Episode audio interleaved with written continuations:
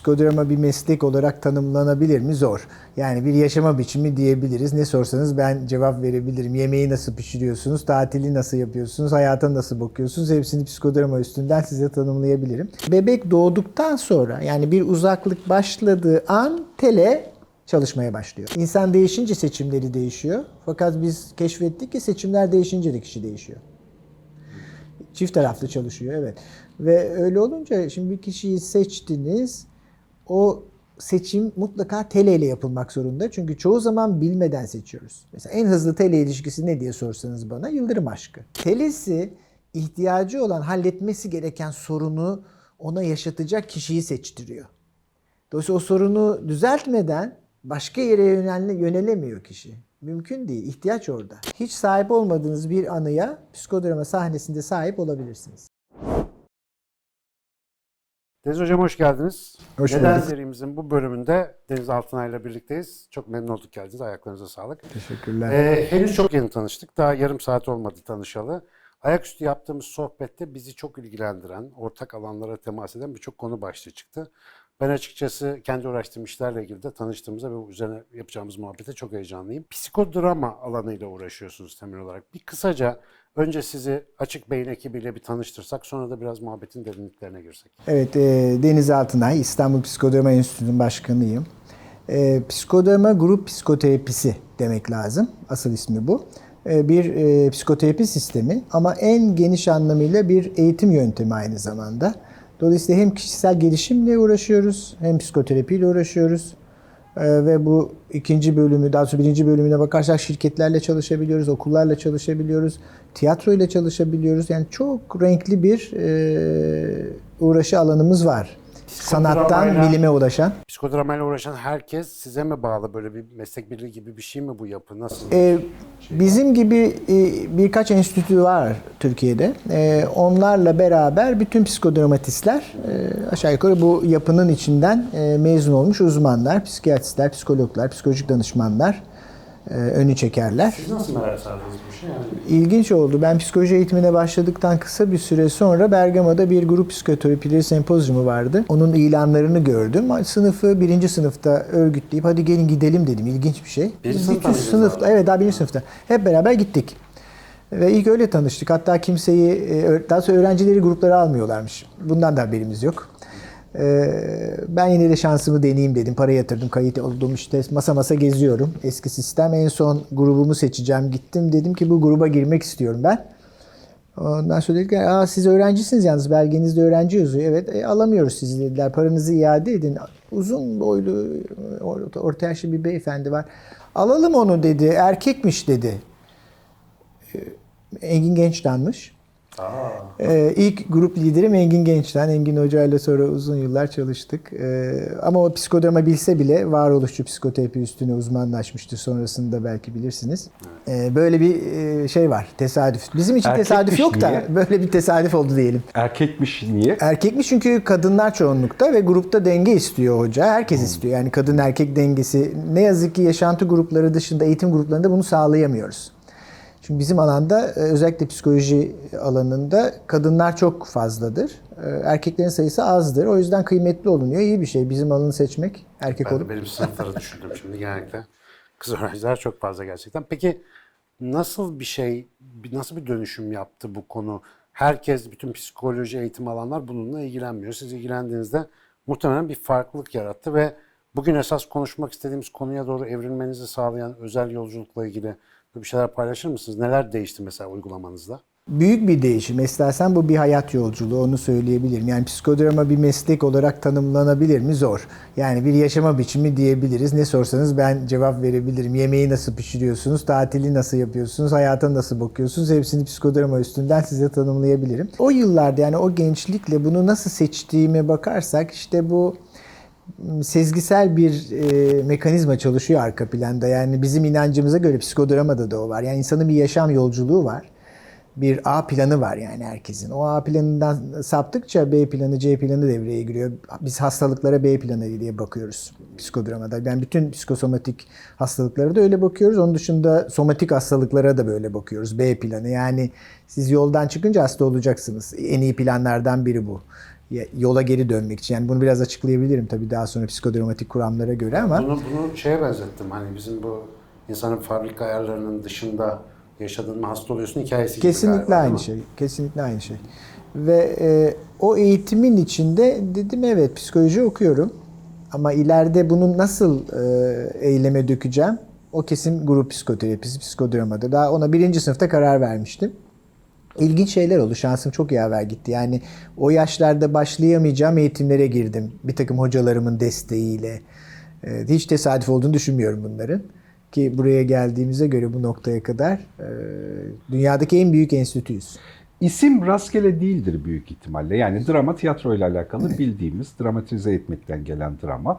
E, psiko diye tarif ettiğimizde psikolojiden gelen bir tanımlama. İkisini beraber kullanıyoruz. Bu ikisinin bir araya gelmesinin e, e, o eğitimde ya da o hayata bakış biçimiyle nasıl bir alakası var? E, bir şeyde yani niye psikodrama bu? Ben bunu hemen şunu ekleyeyim. Yani yeni duyan birine, Ha, ilk yani- defa duyan birine mesela psikodrama ne yapar diye anlatsak mesela. Bunu nasıl tarif ediyorsunuz? Ben çünkü dilim dönünce bir şeyler derim ama mevzuyu da çok bilmediğim için muhtemelen yanlış söylerim. E, psikodrama eylemle gerçeğin keşfedilmesi ya da dramatizasyonla gerçeğin keşfedilmesi olarak tanımlanıyor. Esasen gerçeği keşfetmek iyileşmenin çok büyük bir adımı. Psikanaliz doğmaya başladıktan kısa bir süre sonra yani aralarında 20 yıl var Moreno ile Freud'un tanışıyorlar zaten. Ee, Moreno insanı alıp laboratuvara sokmanın çok da iyi bir yöntem olmadığını hissetmeye başlıyor. Yani psikodrama ve e, kelimenin de kökenini oradan gelebiliriz. Psikanaliz birlikte doğuyorlar.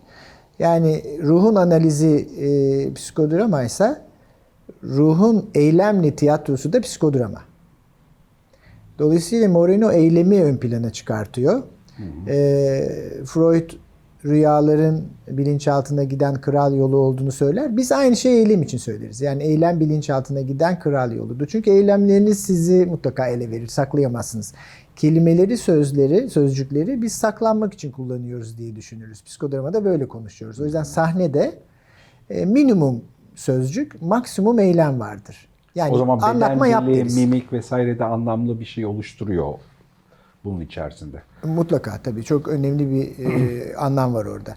E, dramatizasyon e, esasen e, şuradan da pay biçeriz. Moreno diyor ki benim psikiyatri anlayışım e, ve psikodramatik anlayışıma Shakespeare'ci psikiyatri diyebiliriz. Moreno'nun söylediği benim psikiyatri anlayışım Shakespeare'ci psikiyatri anlayışıdır diyor. Ve e, bu bütün dünyayı şifalandırabilir yeter ki herkes oynasın. Cümlesi aynen budur. Ee, anlamlı buluyorum tabii bunu. Çünkü eylemi ön plana çıkarıyor, dramatizasyonu. Esasen yaşamın içinde nasıl var oluyorsak tedavinin de öyle olması gerektiğini söylüyor Moreno. Eylem içindeyiz. Hastalanıyoruz, eylem içinde hastalanıyoruz. İlişkiler içinde hastalanıyoruz. O yüzden grup psikoterapisi şarttır diyor. İlişkiler içinde hastalanan kişi ilişkiler içinde tedavi olur. Ama yeni bir ilişkilere ağ yaratmak gerekir. İşte o psikoterapi grubudur diyor.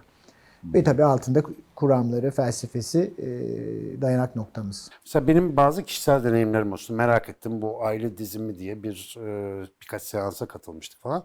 Şimdi orada olan meseleleri bu tabii dramanın etkisini yani davranışın, hareketin, eylemin etkisini tahmin edebiliyorsunuz ama orada bir başka bileşen benim dikkatimi çekmişti. Ben dahil olmak üzere oradaki insanların içine bir şeyler doğuyor. Bilmediğiniz bir şeyleri oynayabiliyorsunuz ya da yapabiliyorsunuz. Yani şimdi enteresan sezgisel bir boyutu var. Açıkçası bana sorulduğunda da ben çok açıklayamıyorum deneyimlemiş olmama rağmen. Psikodramada böyle bir şey var mı? Siz buna nasıl bakıyorsunuz? Böyle bir doğuşkan bir şey var orada yani. Ben onu çok anlayamadım açıkçası. Psikodrama biraz daha aile dizimine göre e, somut adımlar atıyor. Daha ayağı yerde bir sistem diyebiliriz. İkisi ayrı şeyler onu söyleyebilirim ama mekanizmalarda çok ortak noktalar var. Psikodramada grup üyeleri e, annelerini, babalarını, kardeşlerini, eşlerini, kimde sorun yaşıyorlarsa gruptan seçerler. Hiç tanımayan kişiler bir araya gelir birbirlerini. 20-25 kişi. İşte annem olsun, babam olsun, kardeşim bu olsun. Seçerler, çalışma başlar. Onlarla rol değiştirirler. Önemli bir temel teknik. Paylaşımlarda grup bittikten sonra anne olan kişi der ki ben bir seçileceğimi biliyordum. Nereden biliyordun deriz. Onu bilmiyorum ama biliyordum. Zaten kalbim çarpmaya başladı. Bana bir şey geliyor. Şimdi bu tele olgusunun bir ispatıdır. Tele e, kişiler arası bağlantıyı kurmamızı sağlayan birincil bir özelliğimiz. Bize Tele göre bu- fizyolojik karşılığı da var. Latincedeki uzak anlamına gelen. Evet tele uzak. Dolayısıyla hani telekomünikasyon, televizyon vesaire. Yani Moreno da diyor ki bebek doğduktan sonra yani bir uzaklık başladığı an tele çalışmaya başlıyor. Ee, tıpkı nefes almaya başlıyor bebek doğar doğmaz artık ciğerler fonksiyon görmeye başlıyor. Aynı şekilde tele de akciğerle birlikte çalışmaya başlıyor. Telepatiden başka bir şey değil mi bu? Bambaşka bir şey. Bambaşka. Ee, belki bağlantı kurulabilir yani zorlarsak ama bambaşka bir şey onu söyleyebilirim. Ve bu noktada e, grup üyeleri aslında rol değiştirdikleri zaman kendi annesiyle rol değiştirdiğinde annesine daha önceden hiç sormadığı bir soruyu soruyor ve cevabını annesinin rolünden veriyor ve kendi rolüne geçtiği zaman bu yaşanmış bir olay. Sen bana bunu neden daha önce söylemedin diye hesap soruyor sahnede. Ve biz bu kadar deneyimli olmamıza rağmen e, biraz şaşırıyoruz ve ben e, bu iki günlük bir gruptu. Bu gece git annene sor dedim bu meseleyi. Annesine sorduğu zaman sen bunu nereden biliyorsun demiş. İşte o da psikodrama yapıyoruz. dedi. Siz orada ne yapıyorsunuz? Büyücülük mü yapıyorsunuz? Evet yani bu sezgisel bir e, yerin e, kapılarını açıyor bize esasen. Sizin deneyimlediğiniz aile diziminde kişiler kendilerini eğer serbest bırakırlarsa teslimiyet çok önemlidir. Tele'de ve başka birkaç daha önemli kavramın oluşmasında. Serbest bırakırlarsa o bilgiyi alabilme becerilerinde olduklarını görüyorlar. Ve biz buna enerji de diyoruz esasen. Yani sizin bir enerjiniz var. Programda sizin ikinizi kaldıralım, başka iki kişi koyalım. Başka bir program olacak. O neden? Tabii ki bilgiler, deneyim, beklenti ama genel olarak bir enerjiniz var. Siz başka bir şeysiniz yani. Total Herkesten. farklı. Evet ve bu çok önemli. O kimin e, dizimi yapılıyorsa onun yaşam enerjisi bütün genososyogramının içine giriyorsunuz hepiniz. Aile diziminde. Herkes o hatta giriyor yani. Kaçınılmaz bir şey bu. Bu bir beni bir arkadaş ben tamamen gözlemci olmama rağmen bir arkadaş bana ne olduğunu bilmediğim bir rol vermişti. Ve başlama komutunu aldıktan sonra benim içimde mesela korkunç bir öfke doğmuştu. Daha sonra başka bir rol veren arkadaş da bir enteresan bir şeyler yaptı falan. Neticede e, arkadaş o yani aile dizimi yapılan kişi e, ben ona duygularımı ifade ettiğimde dehşet içinde babamın bana karşı dinmeyen bir öfkesi vardı falan gibi bir şey söyledi. Şimdi bu tele ile alakalı olarak bir bilgi aktarımı gibi gözüken ben bunu inkar edemem. Ben bunu yaşadım ve yaşayan çok insan biliyorum. Merak ettiğim şey şu. Böyle bir kanal varsa günlük hayattaki normal hayatımızda bu ne kadar etkili bir şey? Yani biz mesela şu anda tele kuruyor muyuz? Yani nasıl işliyor o iş? Şu andaki tele şöyle işliyor. Ee, İşte Hazal benim öğrencim. O sizin öğrenciniz. Aynı zamanda bir uzman kendisi. Dolayısıyla o benle bir bağlantı kuruyor. Psikodramayı seçiyor bir sebepten. İşte o bir sebepten seçerken tele iş, işe, iş görüyor. Çünkü kendisi için ihtiyacı olan şeyi arayıp buluyor zihin. O beni buluyor. Sonra zaten sizi bulmuş durumda. Ortak bir kesişim noktası var. Mutlaka ortak paydalarımız olması lazım. Yani aynı kişinin iki ayrı kişiyi benzer boyutlarda sevmesi, değer vermesi tabii ki tesadüf değil. Ve bu teleyle oluyor. Seçimler. Bizim sistemin içinde dört kuram var. Sosyometri kuramı, rol kuramı, tele kuramı ve spontanite kuramı. Bunların hepsi psikodramatik kuramı oluşturuyor. Sosyometri seçimlerle... Dördü de birlikte yani Evet. ayrı ayrı alternatif Ayrı şeyler. değil, evet. Dördü birlikte so- Birer psikodramatik. akım değil. Hayır. Parçaları. psiko- evet, psikodrama, grup psikoterapisinin kuramları bunlar. Birbiriyle bağlantılı, geçişken bir şekilde çalışıyor. Şimdi sosyometri kuramında en önemli olgu seçim. Seçim yaparak ve seçimlerin ne olduğunu keşfederek, seçim yaparak yaşıyoruz, seçimleri keşfederek de tanı koyuyoruz, şifa veriyoruz iki türlü. Yani insan değişince seçimleri değişiyor. Fakat biz keşfettik ki seçimler değişince de kişi değişiyor. Çift taraflı çalışıyor evet. Ve öyle olunca şimdi bir kişiyi seçtiniz. O seçim mutlaka tele ile yapılmak zorunda. Çünkü çoğu zaman bilmeden seçiyoruz. Mesela en hızlı tele ilişkisi ne diye sorsanız bana yıldırım aşkı. Yani hiçbir fikriniz yok. Bir anda kapılıyorsunuz o kanal bir kanal oluşuyor. Şimdi tele ta orada başlıyor. Her yere gidiyor. Tabii e, psikodramada çok e, daha somut ilerliyoruz. Bunu bir yönlendirme gibi bir şey de var herhalde orada değil mi? Yani bir faydaya dönüştürme bu tele dediğimiz yetki. Kesinlikle, kesinlikle. Yani günlük yaşamı sordunuz, oraya giriş yapmak için söyledim. Yani esasen teleye güvenen, bunu bilen, açılmış kişiler yaşamda daha rahat ediyorlar. Çünkü bunu eşimizi, dostumuzu onunla seçiyoruz. Kimin yanına oturacağımızı gitmediğim, hiç bilmediğimiz, hiç gitmediğimiz bir sınıfta onunla buluyoruz. Sosyometrik bir ağ oluşuyor ve o sosyometrik ağda bizim nerede olduğumuzu tele söylüyor. Sosyometri de bunu ölçüyor. O yüzden teleyi ölçebiliyoruz aslında. Ve sonra da galiba aklen biz buna bir takım açıklamalar getirmeye Kesinlikle. çalışıyoruz ama genellikle gerçek açıklamalar onlar. Evet, evet. Bizim nöropazarlamadaki hikayeye çok benziyor. Yani satın almada da göbekten ciğerden bir karar veriyoruz ama sonra aklımız diyor ki bak vallahi bundan yaptım falan diye. Aslında pek öyle değil. Peki bunu bir mekanizma olarak incelemekten öte bir araç olarak kullanmak esas olarak yani psikodramanın uğraştığı şey. Ne tip durumlarda ne işe yarıyor? Yani mesela başat olarak şu konuda çok etkili şöyle bir ne bileyim şu patolojide ya da şu sosyal durumda çok etkili diyebileceğiniz böyle aklınıza ilk başta gelen başat bir şey var mı?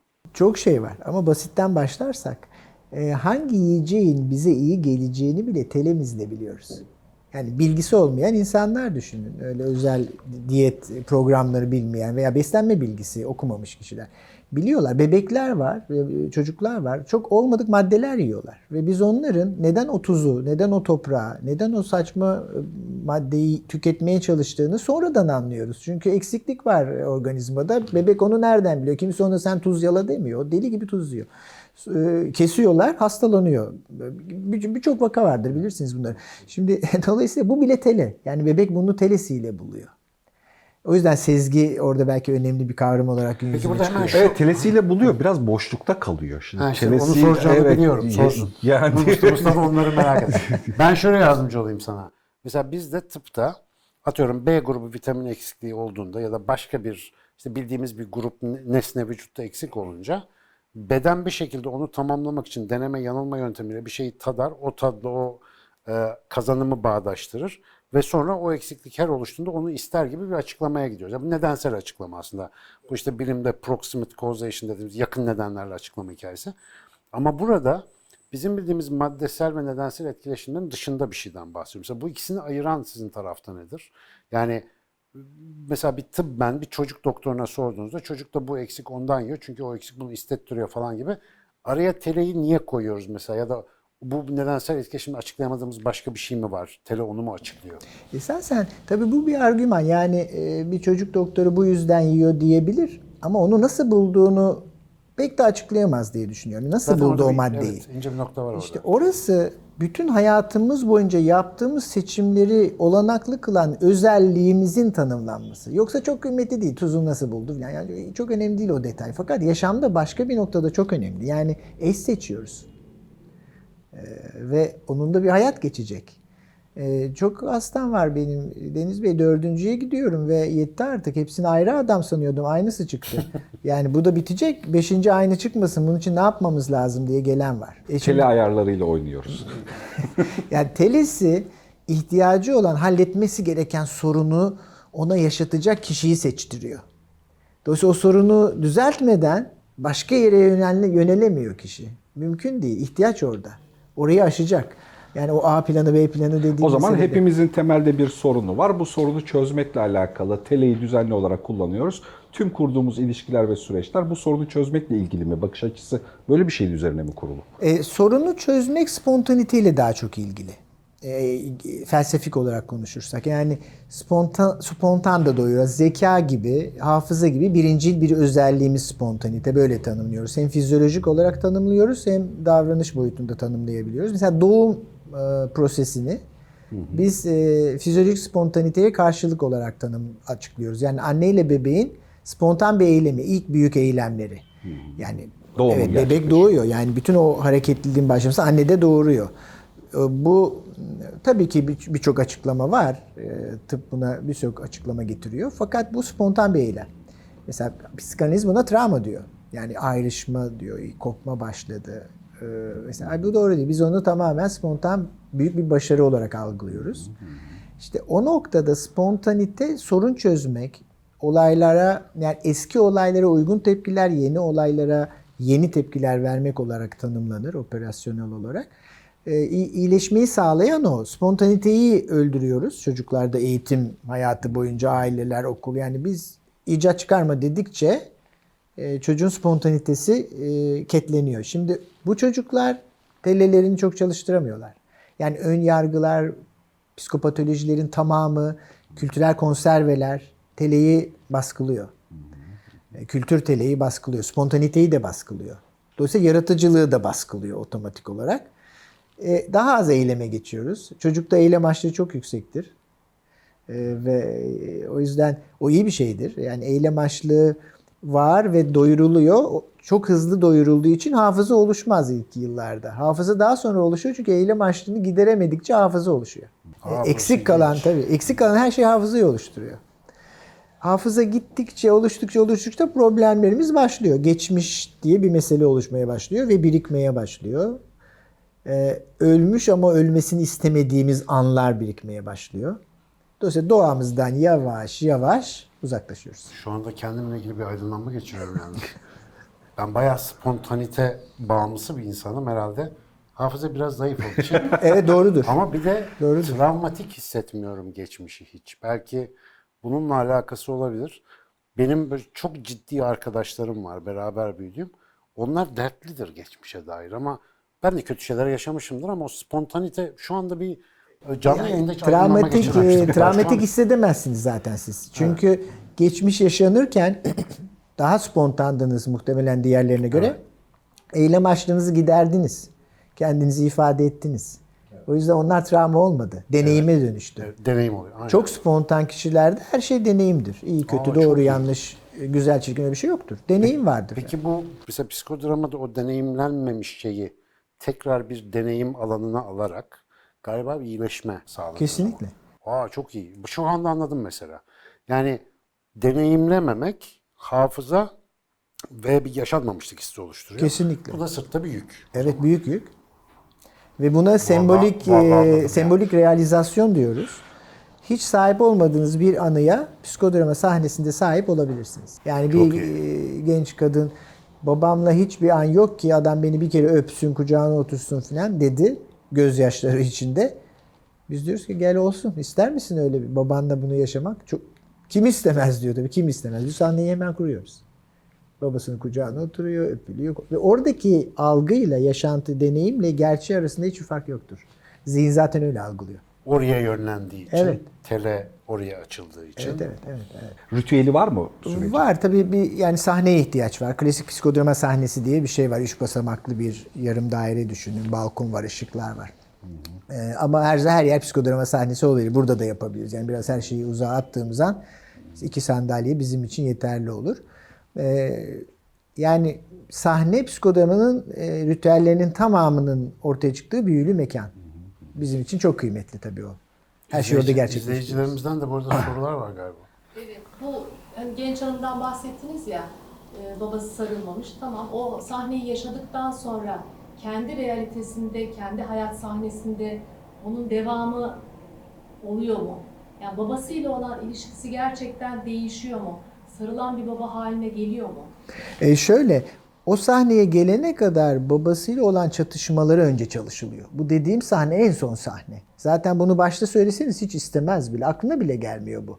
Önce babasıyla olan bütün e, çatışmaları, oradaki öfkeler, öfke katarsisi, bir eylem katarsisi var. Bizim için çok önemli eylem katarsisi. Ee, yani sadece Eylem dile boşalımı. getirmek evet yetmiyor. Bütün bedenle yaşıyoruz her şeyi. Arada da konuşuyorduk. Yani bütün her şeyi bedenle hissediyoruz. Bir bütüncül algımız var. E, o eylem katarsisi gerçekleşiyor, çatışmalar çözülüyor, anlamlar bulunuyor. Onun üstüne psikoterapide pek olmayan, sözel terapilerde pek olmayan bir avantajımız var. Sembolik re- realizasyon o. Hadi gel yeni bir şey de yaratalım sana diyoruz. Ama bu sonuç. Evet evet yani en son e, rötuş. Ee, e, hocam merak ettiğim şey bu sonuçtan sonra, yani bu son seans olabilir. Ama mutlaka bunun feedbackini alıyorsunuzdur siz. Tabii. O kendi hayatında babasıyla olan problemi çözmüş ve başka bir e, level'a atlamış oluyor mu? Onu merak ediyorum. Tabii bu, bu protagonist e, annesini babasını sürekli aradığını, onların öleceğinden korktuğunu söyleyerek sahneye geldi. E, ve e, biz bunun üstüne bu çalışmaları yaptık. Yani her e, üniversitede her arada teneffüste gidip ankesörlü telefondan evi arıyordu. Ertesi çalışma dedi ki o bitti. Ben evi filan aramıyorum. Her şey çok uygun. Akşamları gidiyorum ne yapıyorlarsa yapıyorlar umurumda değil. Hatta babamla bile böyle biraz hoş sohbet etmeye başladık. Ha, Adam kızım sende bir haller var çok şeker oldun filan demeye başladı diyor. Yani biz zaten onu e, ölçüyoruz aslında psikodramada sonucu ölçüyoruz. Bir sonraki seansta ölçüyoruz. Eğitimlerde de öyle oluyor. Biz şirketlerle, okullarla çalışırken e, ben e, biz şunu ister şirketler e, bir ölçme yapalım sonrasında. Yani siz bir eğitim vereceksiniz. Biz de size bu kadar para veriyoruz. Sonucu ölçebilecek miyiz? Ben diyorum ölçeriz tabii ama hiç ihtiyacınız yok. Yani ertesi gün göreceksiniz zaten. Gözünüzle göreceksiniz. Şöyle bir çalışma yapıyorduk. TL ile ilgili olabilir. Belki ilginizi çeker. Bir vaka çalışması yapıyorduk uzun süre okullarda. Bir tane sorunlu öğrenci seçiyorlar. İlk kısımda 50'ye yakın öğretmen var herkes öğrenciyle ilgili her şeyi anlatıyor. Veli görüşmelerini, okulda yaşadıkları sorunları. Sonra bitiyor. İlk yarım saat, bir saat böyle geçiyor. Ben onu formülize ediyorum. Ama formülize ederken tabii kuru kuru bir bilgi vermiyorum. Diyorum ki bakın nasıl çocuk size ne diyor. Nelerden muzdarip. O zaten bir çocuk yani. O mağdur. Sebep olanları gelin konuşalım ve o ne diyor. Bunu konuşuyoruz bir saat.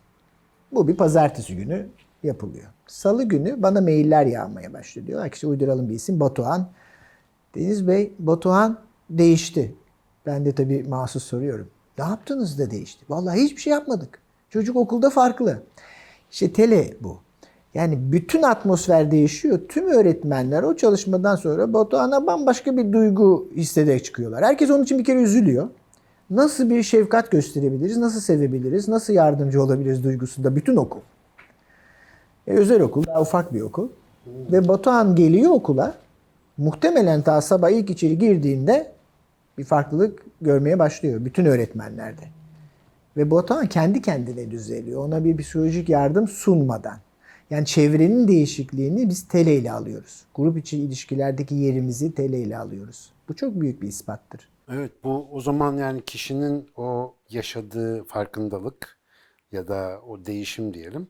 Aynı zamanda diğer insanların da tele dediğimiz e, yol ya da geçit sayesinde o insanların tavırlarında da karşılıklı bir değişiklik otomatikman sebep oluyor. Yani bir böyle o kişi iyileşti, güzel davrandı sonra öbürleri de işte anladı artık bu düzeldiği için ona iyi davrandılar gibi değil de anlık spontan bir dönüşümden bahsediyoruz. Kesinlikle. Bu sert. Kesinlikle. Yani bu bayağı da- Peki ben teleyi şöyle anlasam. Biraz kafam mekanizma cinsinden çalışıyor da ölçebildiğimiz ve ölçemediğimiz tüm açık ve örtük etkileşimlerin bütününe ben tele desem. Yani işin içinde benim çok sevdiğim Rupert Sheldrake'in morfik alanları gibi görünmeyen alanlar da dahil olmak üzere. Efendim işte ne bileyim solucan delikleri, kuantum alanları ne düşünüyorsak onların hepsi ama bir de bildiğimiz ayna nöron, empati sistemleri onlar bunlar.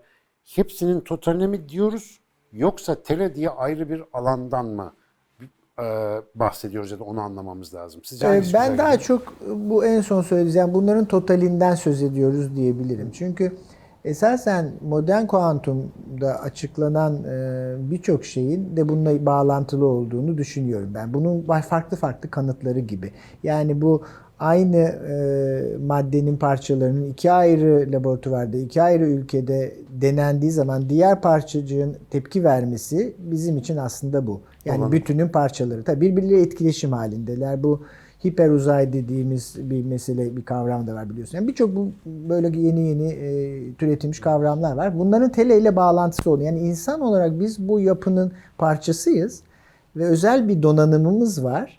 Kendi işimize yarayan, kendi ihtiyacımız olan bağlantıyı tele üstünden kuruyoruz. Muhtemelen başka başka varlıklar, maddeler de bu etkileşim içindeler. Yani bütün evren etkileşim içinde. Aksini kimse iddia edemez. Yani e, basit fizikle de bunu görüyoruz. Yani manyetik etkileşimler veya mıknatıslar her, her şey görüyoruz. Yani her şey etkileşim içinde. Bu bizim ihtiyacımız olan büyük bir donanım. Yani çünkü bilinçli varlıklar olarak bu etkileşimi bilinçli yapmak zorundayız. Öyle tesadüfen e, affınıza sığınarak konuşuyorum. Yani salmış durumdayız yani yaşamda. Böyle saçma bir şey olamaz. Bilimin e, affedersiniz ama hapishanesinde durulamaz. Yani insan insanı açıklayamıyor maalesef. Biraz daha geniş bir perspektiften bakmamız gerek. Yani salamayız bunu. Bunu anlatmak zorundayız. Bunu buna inandırmak zorundayız kişileri. Ki bilimi de yerinde bir araç kullanarak bunu olarak E, oraya çekmek lazım. daha da güzel olur. Evet oraya çekmek lazım. Ya da buluşmak gerek. Vay ben aydınlandım bugün ya. Vay, ente- Ben hiç muhabbet... Bu arada son bir şey söyleyeyim. Ee, yaklaşık süre bandı olduğu için e, öyle toparlayayım diye. sezgi ve örüntü algısı beni çok ilgilendiren bir konu. Çünkü özellikle de burada konuştuğumuz konularda bir böyle parça parça algoritmik bilmek var. Bir de bilivermek var. Böyle bir anda pat diye içe doğması falan. Sizin uygulamalarda genel olarak psikodramada ve sizin bakışınız üzerinde bunun büyük bir yeri var gibi gözüküyor. Yani sezgi nasıl kullanılıyor ya da benim kullandığım şekilde sizin uygulamanızda da önemli mi bu bütüncül algılama hali? Biraz da bir, birkaç kelime sezgiden bahsedebilir miyiz? sizin Evet, şeyden? çok önemli. Ee, Kullanıyoruz. Bunu çok yoğun kullanıyoruz ama şöyle ilerlemek lazım. Bir protagonistle, bir hastayla, bir grup üyesiyle çalışırken tabii ki psikopatoloji bilgisi, rol patolojileri bilgisi, süreç bilgisi, gelişim süreci, spontan gelişim süreci. Bütün bu bilgiler çok kıymetli. Bunları göz ardı etmemek lazım. Onun ışığında ilerlerken, yani öyle bir donanımın içinde ilerlerken sezgi dediğimiz ve aslında telemizle algıladığımız bilgiler çok çok kıymetli hale geliyor. Çünkü bir kişiye sorabileceğim onlarca soru var sahnede ama birini seçiyorum. Ve bazen neden onu seçtiğimi bilmiyorum itiraf etmek gerekirse ama onu sormam gerek. Ee, veya işte bir değil iki kişi seçmeni istiyorum diyorum ama niye bu ağzımdan çıkıyor o anda bilmiyorum. Sonuçta biz bunun ispatını buluyoruz. Çünkü o diyor ki zaten şöyle bir mesele var. Senin de bundan haberin yoktu ama iki kişi seç dedin. Zaten benim hayatım bu ikilem diyor. Ama benim ondan gerçekten haberim olmuyor. Ee, orada sezgiler karışıyor. Yani iyi bir eğitim, iyi bir donanımla bunu açarsanız güzel. Olmazsa felaket. Tabii gene Tabii kaza kontrolsüz evet. bir şey. Çünkü negatif tele var. Yani seçim ve itim meselesi var. Seçimler kadar itimler de önemli. Ha, bir de negatifi var bunun. Ve patolojik tele var. Patolojik spontanite var. Yani ön yargıların, e, korkuların esiri altında kalmış insanlarda e, çok yansıtma dediğim şeye tele diyebilirler. Yani ben e, içimdeki bir şeyi saklayıp size yansıtıyorum. Size sinir oluyorum. Kendimle ilgili. Ama diyorum ki telem diyor ki o çok berbat bir adam. Öyle bir durum yok. Hocam eğitim ne kadar sürüyor? Eğitimler iki aşama. Temel aşama 3 yıl kadar sürüyor. iki buçuk yıl kadar üst aşama sürüyor. Ama bunlar ayda bir günlük süren eğitimler. 10 ay çalışıyorlar her yıl. Ee, seminerler var, işte konferanslar var katıldıkları öğrencilerin. Eğitime gelmek için bir alt barem var mı? Yani şu eğitimden geçmiş Evet, olmayan. psikologlar, psikolojik danışmanlar, psikiyatri asistanları eğitime girebiliyor. Bazı Onun dışında hiç enstitüler, kimse Yok, giremiyor. girmiyor. bazı enstitüler sosyal hizmet uzmanlarını da alıyorlar. Ben nörobilimciyim mesela. Bu, bu soru çok soruyor. Şimdi alan arası çok insan var ya artık. Sen nörobilim doktorası master yapan arkadaşlarımız oluyor. Uygulamalı psikoloji master yapanlar falan oluyor. Şimdi artık bu alanlar arası insan sayısı da artıyor. Ona göre bir modifikasyon falan oluyor mu? Mesela ben psikolojide profesörüm gelebiliyor muyum mesela? Evet, şimdi e, biz biraz katı bir enstitüyüz. E, mutlaka psikoloji alanından gelenleri alıyoruz veya psikiyatri alanından. Doktoralı psikiyatri hemşirelerini alabiliyoruz. Ara bölgeler çok tehlikeli çünkü biliyorsunuz yaşam koçları var ve herkes koç oldu. E, Bunlar çok tehlikeli yerlere gidiyor. Evet, E, denetim yani evet doğru. uzmanlık çok kıymetli. Yani mesela işte e, ben diş hekimi okudum ama kalp cerrahı e, olmak istiyorum. Beni şöyle hemen bir ihtisasa alır mısınız? Herhalde almaz hiçbir tıp fakültesi diş hekimini cerrah ihtisasına. Yani durum böyle. Biz insan ruhunu çok ciddiye alıyoruz. O yüzden herkes kurcalamasını istiyoruz. Ee, Yaklaşımımız biraz böyle. Her tür e, iyileştirme ile ilgili ya da hastalıkla alakalı geçerli bir metodolojiden mi bahsediyoruz? Aslında ilk sorularından bir tanesiydi. Tam cevabı netleşmedi. Ya da en çok mesela şu tarz hastalık ya da şu tarz deformasyonlarda çok işe yarıyor e, psikodrama ya da çok hızlı işe yarıyor gibi bir şey var mı? Bir, bir işaret ya da bir biçim. Hem var hem yok. Var çünkü e, eyleme dönük olması nedeniyle bazı gruplara çok hızlı etki ediyor.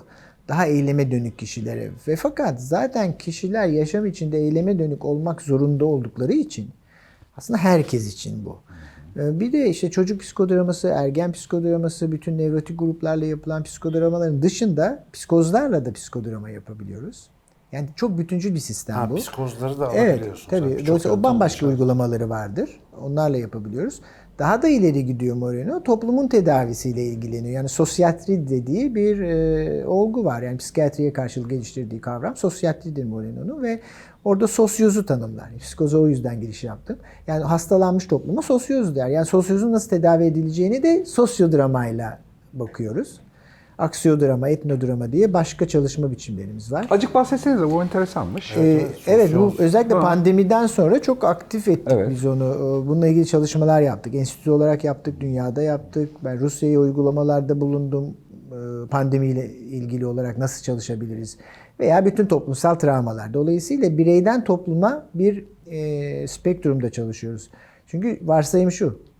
Yani Tekniği bireyi- nasıl? Yani Nasıl? bireyden toplamanın tekniği nasıl? Yani Ee, şöyle orada gruplar orada arası ilişkilerle ilgili çalışıyoruz öncelikle. Veya temayla çalışıyoruz. Yani bir tema merkezde olacak bir de grup merkezde olacak veya gruplar arası ilişkiler. Yani bir terör meselesinde gruplar arası ilişkilere bakıyoruz. Bu son yıllarda çok çalıştık biz bunu. Veya Türkiye Yunanistan iki ülkenin bunca e, büyük bir geçmiş olmasına rağmen yaşadıkları bu büyük travmatik varoluş tamamen sosyodramanın kokusu, konusu karşılaşmak. Sahnede grupları karşılaştırıyoruz. Yani ne yapıyorsunuz? Onar kişilik iki grubu alıp sahnede bir araya getirip karşılıklı bunun üzerinden mi konuşuyoruz mesela? Evet, böyle ya da bir- mesela sosyoz mu dediniz az önce? Sosyoz. Sosyoz. Yani Psikozun onun karşılığı gibi. Tamam yani mesela bununla alakalı bir çalışma yapmak için yine bir sahne, o topluluğu sembolize eden 10 kişilik bir grup ve onun karşılığında bir birey ve bu tarz bir çalışma mı yapıyorsunuz? Yine tele bakışını ya da tekniğini kullanarak. Evet, tele arka planda çalışıyor. Temel teknikler rol değiştirmedir, eşlemedir. Onları belki daha sonra konuşabiliriz ama toplum pandemiyle ilgili çalışırken pandemi sahnede konuşuyor. Dolayısıyla işte şimdi deniz salyası meselesi. Bütün felaketlerin biz önemli bir mesaj olduğunu düşünüyoruz. Dünya bizde konuşuyor. Ee, Temizlemeye çalışıyorlar. Yeterli değil. Bilinç yükselmesi gerekiyor. Şimdi dolayısıyla e, pandeminin neden var olduğunu pandemiden daha iyi kimse bize anlatamaz. Herkese rol değiştirebiliyoruz. İşte burada pandemiyle rol değiştiriyoruz sahnede. Pandemiyle insanlar konuşuyor. Pandemiyle toplum konuşuyor. Pandemiyle Pandemiyi nasıl tarif, neyden teşekkül? Yani nasıl tarif ediyorsunuz da onunla konuşuyor ya da o konuşuyor? Ben pandemi rolünü alıyorum mesela. Böyle ama hani bir kişi mi alıyor ya da hani bir gruptan bahsediyorsak Bir kişi alabilir. Bir boş sandalye koyuyoruz. Bütün grup onu eşliyor. Yani onun ağzından konuşuyor. Veya bir grup o rolü alabilir. Hep beraber oturup biz pandemiyiz. Anladım. Size Yöntemi bilgi- bu. Tabii Yani birçok şeyde. yöntem Okey. olabilir. Teknik olarak birçok şeyi Bayağı kullanıyoruz. da özgürlük var yöntemde anladığım kadarıyla. Evet yani e, Doğuştan en bir şey. büyük psikodramalarda bir 600 kişiyle yapılmıştı Çin'de. Bizim e, sosyometri konferansında en son üç- 350 kişiyle böyle bir uygulama yaptık. Yüzer yüzerli gruplarla pandemiyle ilgili yaptık. Sayıyı art, istediğimiz kadar arttırabiliriz. Çünkü izleyicilerin katarsisi de katılanlar kadar güçlü oluyor. Yani tiyatrodan biraz daha ileride çünkü izleyenin katarsisi bizde. Eğlenceli bir alan ha. 350 kişi bir anda pandemiyim ben. Evet, ben yani spor salonlarında yapıyoruz bu çalışmaları. Pandemi için yapamadık çünkü maske mesafe ama e, diğer travmalarda spor salonlarını kullandık. Okullarda bunu yapabiliyoruz. Zümrelerin arasındaki kavgalar, Peki öğrenciler. e, burada katılımcının pandemiyle iyileşmesini sağlamakla ilgili bir çalışma değil mi? Bunun sonucundan bir rapor çıkamıyor. Yani öyle bir şey değil bu bu çalışma. Bir raporlama yapılabilir. E, Çünkü Ama yapmıyorsunuz siz değil mi? Yani teknik çok olarak. genel olarak yapmıyorum ama orada mesele zaten pandeminin ne olduğunu anlamak. Ama Artı kim için oraya katılan için anlıyoruz bunu. Tabii katılan. Yani dışarıya kamuoyuna pandemiyle alakalı bilgi verdiğiniz bir şey değil o. Ha, oraya katılan kişi Evet makaleler yazıyoruz olabilirse şimdi yavaş yavaş sosyal medyada bunları daha da fazla herkese iletmek. Yani çünkü çok güçlü bilgiler çıkıyor oradan. Onları kendimize saklarsak ayıp olur. Onları duyuruyoruz. Daha da duyuracağız. Çünkü zaten son bir yıllık bir olay ama çok önemli. Bununla ilgili birkaç yazı ve makale hazırlıyorum şu anda. Bir duyuru var. Yayıncı Yapılacak. olarak en çok burası Yayınlayacağız tabii. ilgilendiriyor tabii. Biz mesela o yüzden buradan bakmaya Tabii çok siz istiyoruz. çok önemli bir işlev görüyorsunuz. Yani bunu burada pandemiyi konuşsak toplumsal travma olarak işte o yaptığımız şeyi aslında kaç kişi izliyorsa sizi kaç bin kişi oraya doğru akıtmak. Şart bu. Ama bir şey daha öğrendim. Yani psikodrama ile ilgili bu tip tekniklerle ilgili çok makale, çok kitap okudum. Ama galiba tele burada çalıştı. Ben bir şeyler anladım bugün yani. Böyle karşılıklı oturunca, mevzuya dikkat verince hakikaten değişik oldu. Son sorum geleceği. Yani bundan sonra ne olacak ya da bu konuyla ilgili daha büyük, daha farklı bir değişim, dönüşüm bekliyor musunuz? Psikodrama uygulamasının yaygınlaşması, daha spesifik olaylarda uygulanması ya da bir eksiğiniz var mı genel olarak? Yani nasıl gidiyor? Eksikleri çok büyük oranda giderdik. Yani kendi içimizde öyle söyleyebilirim. Uygulamayla ilgili, alt alanlarla ilgili. Duyurulması ile ilgili de meslek alanında iyiyiz ama yani genele yayılması lazım. Çünkü amaç aslında herkese ulaşmak. Orada tabii eksiklikler bence var. Ama e, yani gerçekten de andadır geleceğin bilgisi. Biz öyle tanımlarız. Yani geleceği bilmek istiyorsanız onun bilgisi anda. E, ona dikkat edin. Şimdi e, buradayız. Biz bu bilgiye sahibiz. Pandemi var. İşte aşıydı, kurtulacağız. Herkes geçmişe dönmeyi bekliyor. Öyle bir şey yok. E, bunu nasıl e, anlatmamız lazım? Onun planları içindeyim ben. Yani bizim yapacağımız şey bunu herkese ulaştırmanın bir yolunu bulacağız. Ama başkaları da bizi bulacak. Yani çok tere- kaygılı değilim bu konuda. Yani bulacaklar çünkü İhtiyacı olan ihtiyaç olacak. Yani oraya zaman ona hazırlıyor. Değişik bir sona doğru gidiyoruz. Yani bana sorarsanız psikodramatist olarak şunu rahatlıkla söyleyebilirim. Bu son perde herkes merakla yerini aldı oturdu. Yani dünya platformunda durum böyle. Ee, Hani 10 yıl mı var, 50 yıl mı var onu tartışır herkese. Ona bir şey demiyorum. Öyle bir falcı değiliz ama son perdede olduğumuz kesin. Yani sona doğru, büyük değişime doğru gidiyoruz. Herkes çünkü Sondan ciyaklıyor. kasıt bir değişimle ilgili mi Büyük yoksa bir değişim. yok olmayla ilgili? Yok yok yok olma değil. Yani tamamen dönüşüm. Yani dünyanın dönüşmesi, insanların bilincin, ekonomik sistemin. Bunlar gidici çünkü Moreno'nun çok önemli tanımları var bu konuda. Diyor ki e, gelecek öyle bir şeye gebe ki şu anda var olan e, sistemler, ekonomik sistemler, siyasi sistemler, sosyolojik sistemler e, bunlar yürümez diyor. Bu şekilde bunun sonu yok. Bu bizi felakete sürükleyecek e, robopotiye sürüklüyor ve çok ciddi bir yabancılaşmaya sürüklüyor. Tersine dönmek zorundayız ama e, hani affınıza sığınarak biraz dayak yiyerek dönüyor insanoğlu ve hepimiz öyle. Yani Uzmanlık alanımız odur zaten. herkes dayak yiyerek dönüyor yavaş yavaş. Hocam ağzınıza sağlık, ayağınıza sağlık. Yine muhabbet edelim, devam edelim. Memnun olurum. Teşekkürler.